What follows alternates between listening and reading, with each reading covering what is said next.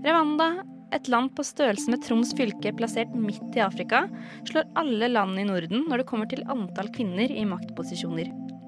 64% av parlamentet i Rwanda består av kvinner, og dette er også faktisk en verdensrekord.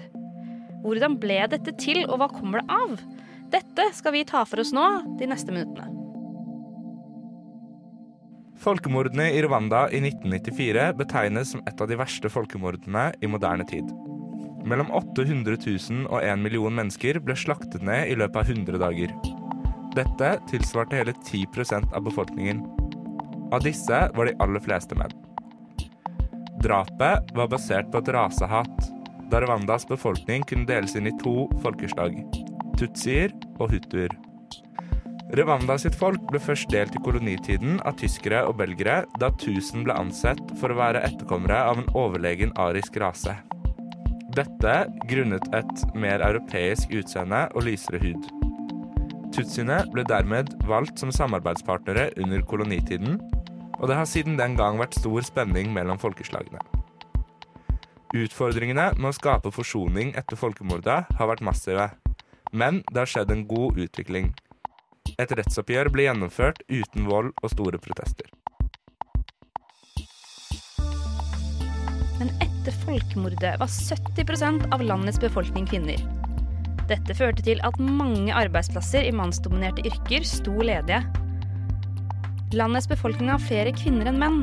Derfor er det vanskeligere å ignorere oss. Dette er et direkte sitat fra den rwanske kvinnen Mukantabana, som ble intervjuet av bistandsaktuelt.no. Presidenten Kagame måtte ta tak, da flere lover og regler fortsatt gjorde det vanskelig for kvinner å bidra i samfunnet.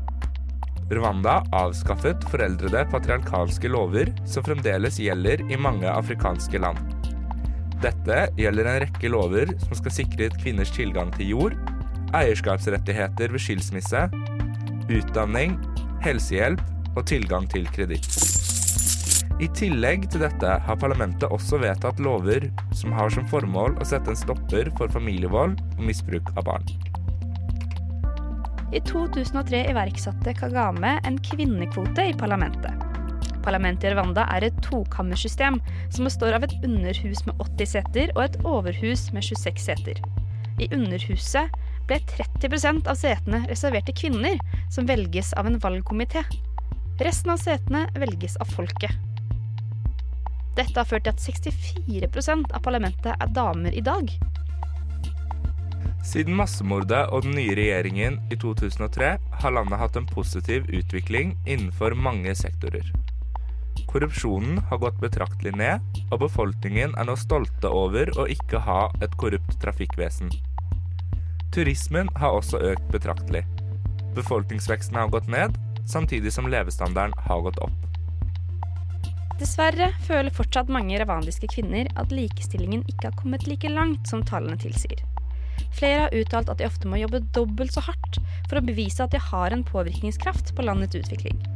Dette er fortsatt en enorm utfordring for kvinnene i landet. Landet ligger også bare på 79.-plass på FNs likestillingsindeks.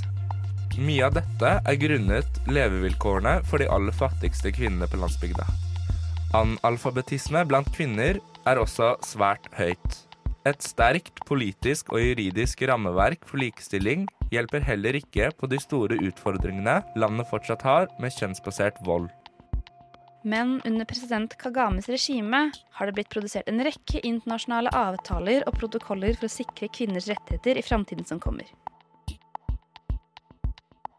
President Kagame i Rwanda har også uttalt at det å arbeide med kvinners rettigheter er det samme som å kjempe for rettferdighet for alle mennesker.